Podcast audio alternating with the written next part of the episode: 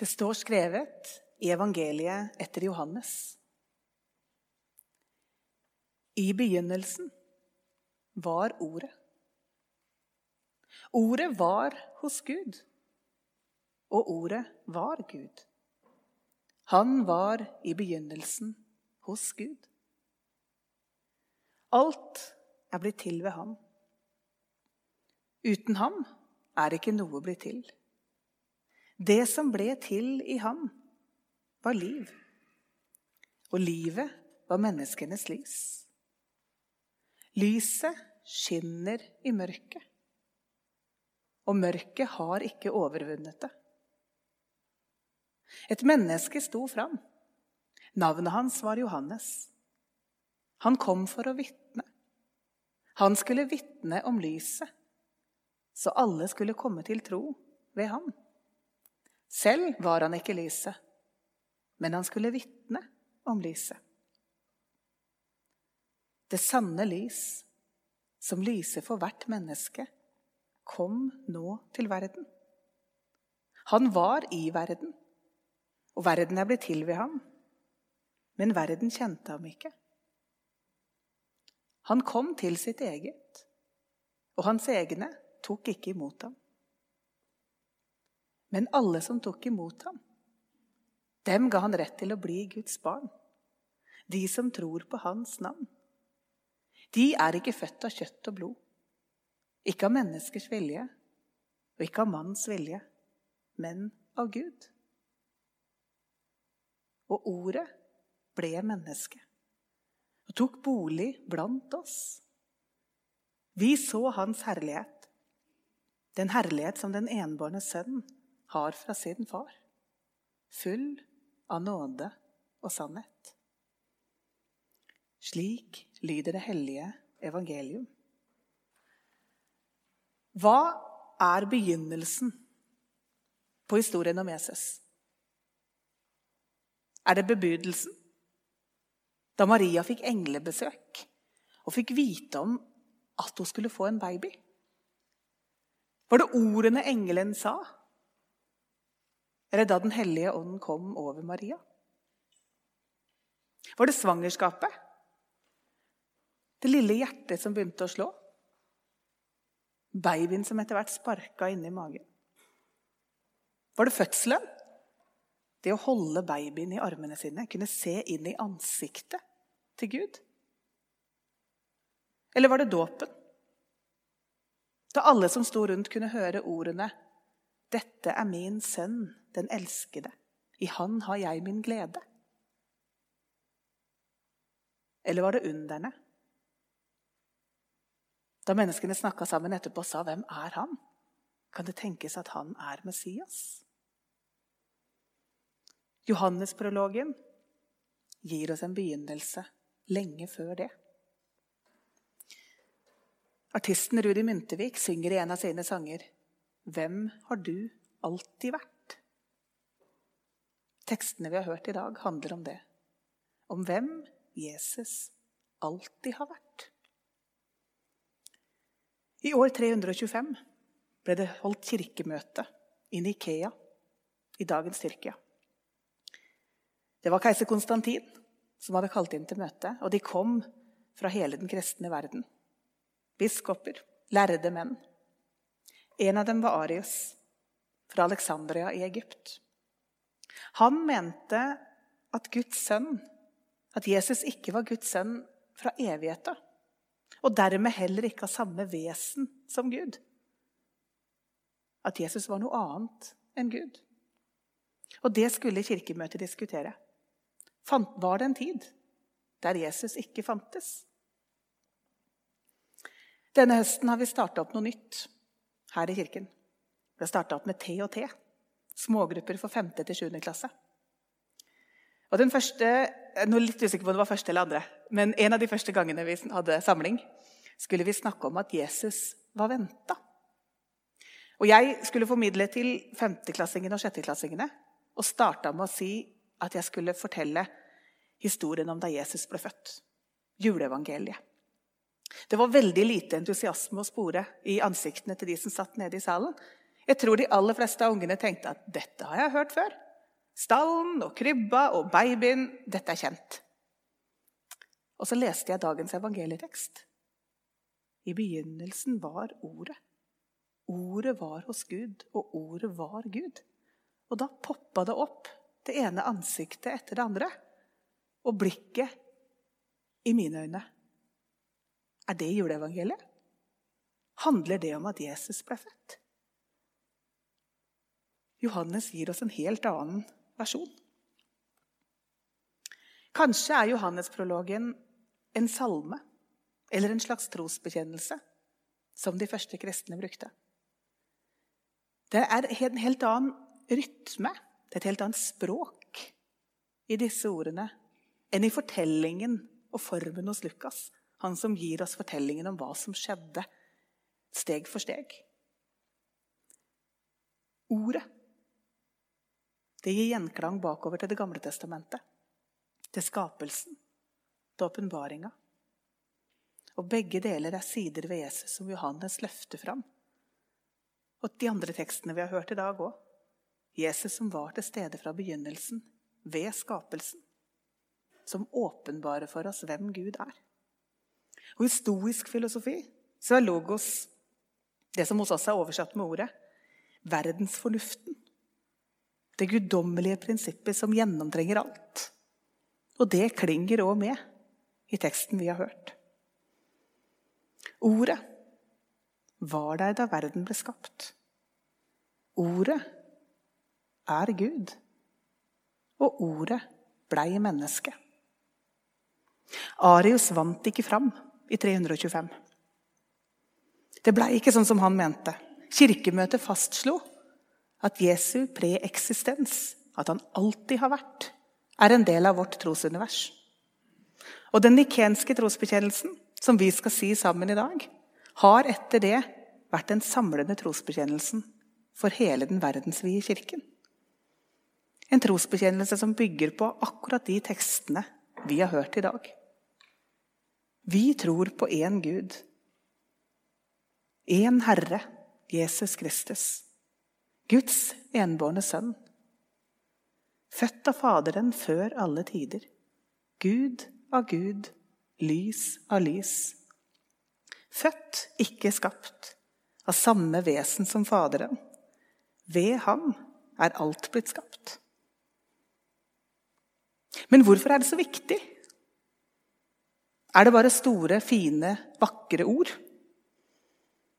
Ord om lys og nåde, sannhet? Der julaften løfter fram at Gud ble menneske, så får vi på første juledag den motsatte vinkelen på juleevangeliet. At Jesus er Gud, født av Faderen før alle tider. Høsten 1998 begynte jeg på bibelskole. Og Den første andakten som ble holdt det året, var av daværende rektor Kjetil Glimsdal. Og han utfordra oss i den andakten på å greie å huske hva han snakka om gjennom hele året. Ordene han snakka om, var den teksten vi hørte fra brevbrevet. Det var en veldig klok utfordring å gi, i hvert fall til de av oss med litt over snittet konkurranseinstinkt. Selvfølgelig skulle jeg huske hvilke ord han snakka om i den første andakten helt til slutten av året. Og dermed har jeg huska de mer enn 20 år. Ordene om at Gud på mange måter har åpenbart seg i historien. Gjennom mennesker. Men at han til slutt åpenbarte seg gjennom å bli menneske. Ikke bare som ord vi kan lese i en bok som er skrevet ned for lenge siden, men som en kropp. Som et ansikt Ordet inkarnasjon betyr at noe blir kjøtt. Det blir en konkret, fysisk kropp. Sånn kom Gud til verden. Og gjennom Jesus ser vi hvem Gud er. Hele Johannesevangeliet rammes inn av det spørsmålet hvem er egentlig Jesus? I innledninga kan vi lese ingen har noen gang sett Gud. Men den enbårne, som er Gud, og som er i fars favn. Han har vist oss hvem han er. Og mot slutten Jesus gjorde også mange andre under og tegn for øynene på disiplene. Tegn som det ikke er skrevet om i denne boken. Men disse er skrevet ned for at dere skal tro at Jesus er Messias, og for at dere ved troen skal ha liv i hans navn. På juledag kan vi få løfte fram undringa. Det vakre. Det vi ikke greier å gripe helt og samtidig også det konkrete. At ordet blei menneske. Slo opp teltet sitt blant oss. Og Gud hos oss, som kom med lys og nåde og sannhet. På 400-tallet sa Theodoretus Akyros øyet trenger lyset for å kunne oppfatte det synlige. Fornuften trenger troen for å få innsikt i det guddommelige. Gud ble menneske for at vi kunne se hvem han er.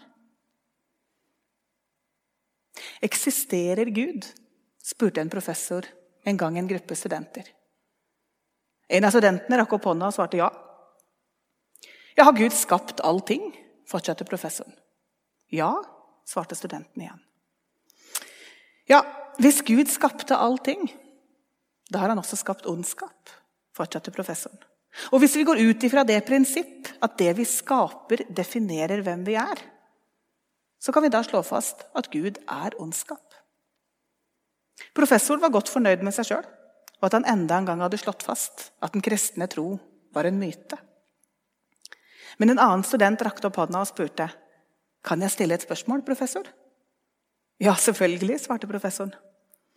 Og studenten spurte Professor, eksisterer kulde? Ja, selvfølgelig, sa professoren. Har du aldri vært kald? Og de andre studentene fniste litt.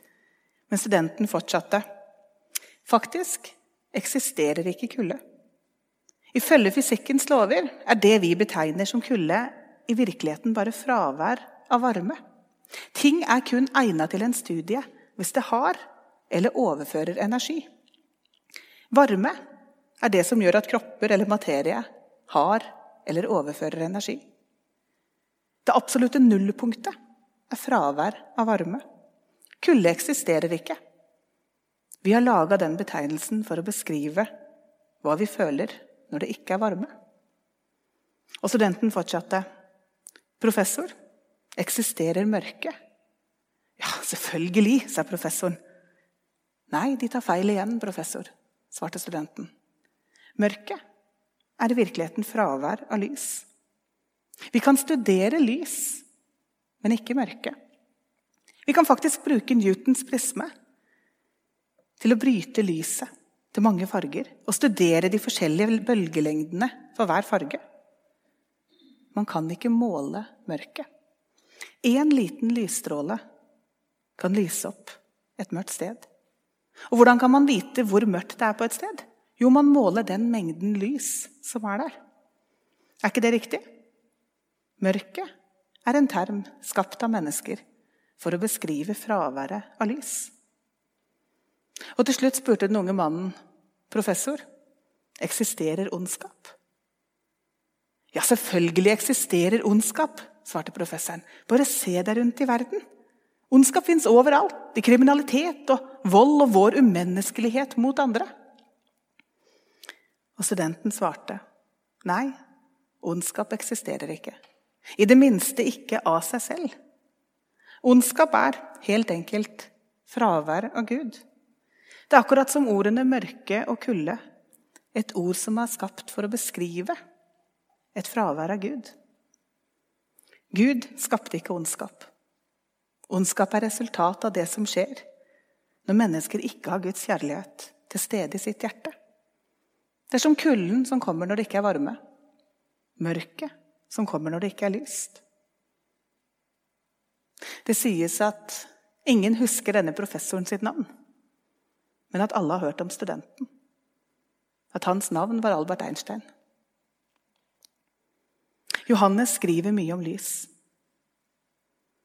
Og det er vanskelig, ikke på sånne vakre juledager som dette, men ganske mange ganger i livet, så er det vanskelig å løfte fram lyset.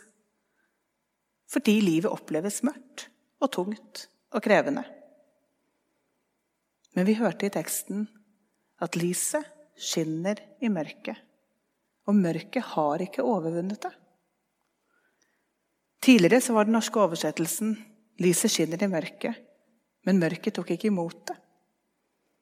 Det greske ordet som nå er oversatt med 'overvinne', katalambano, det kan ha dobbel betydning. Det kan både handle om å gripe, forstå, eller å nedkjempe og slokke ut. Verden er ikke uten kamp mellom lys og mørke. Men lyset skinner i mørket.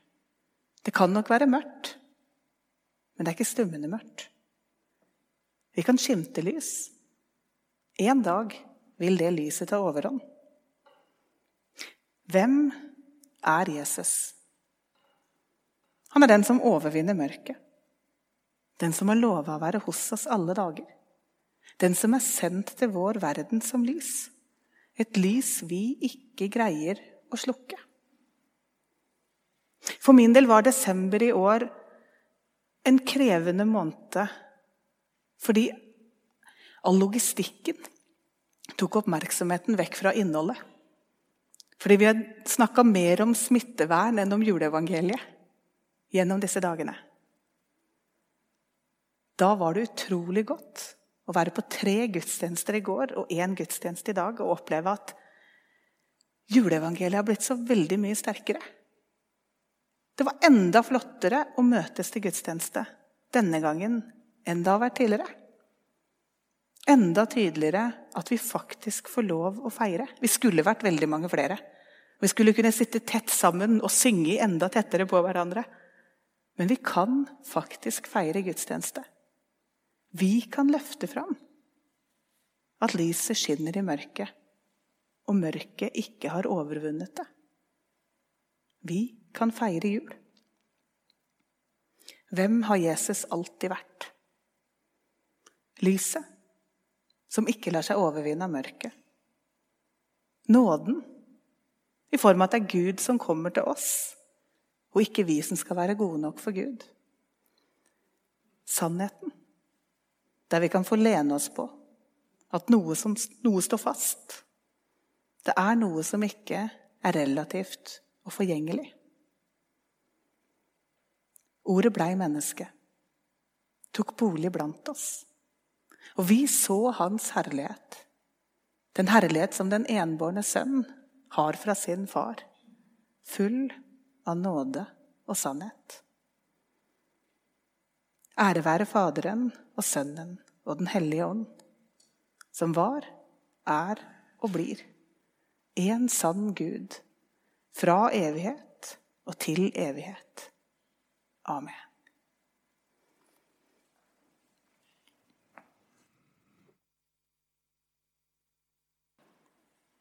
Gud, evig Gud og lys av lys, det er han. Til oss er han kommet som bror i dag. Sann Gud av opphav, født før alle tider. Kom, tilbe Han, Guds under, vår Herre Krist. Gå i fred, tjen Herren med glede. Hvil i Hans nåde.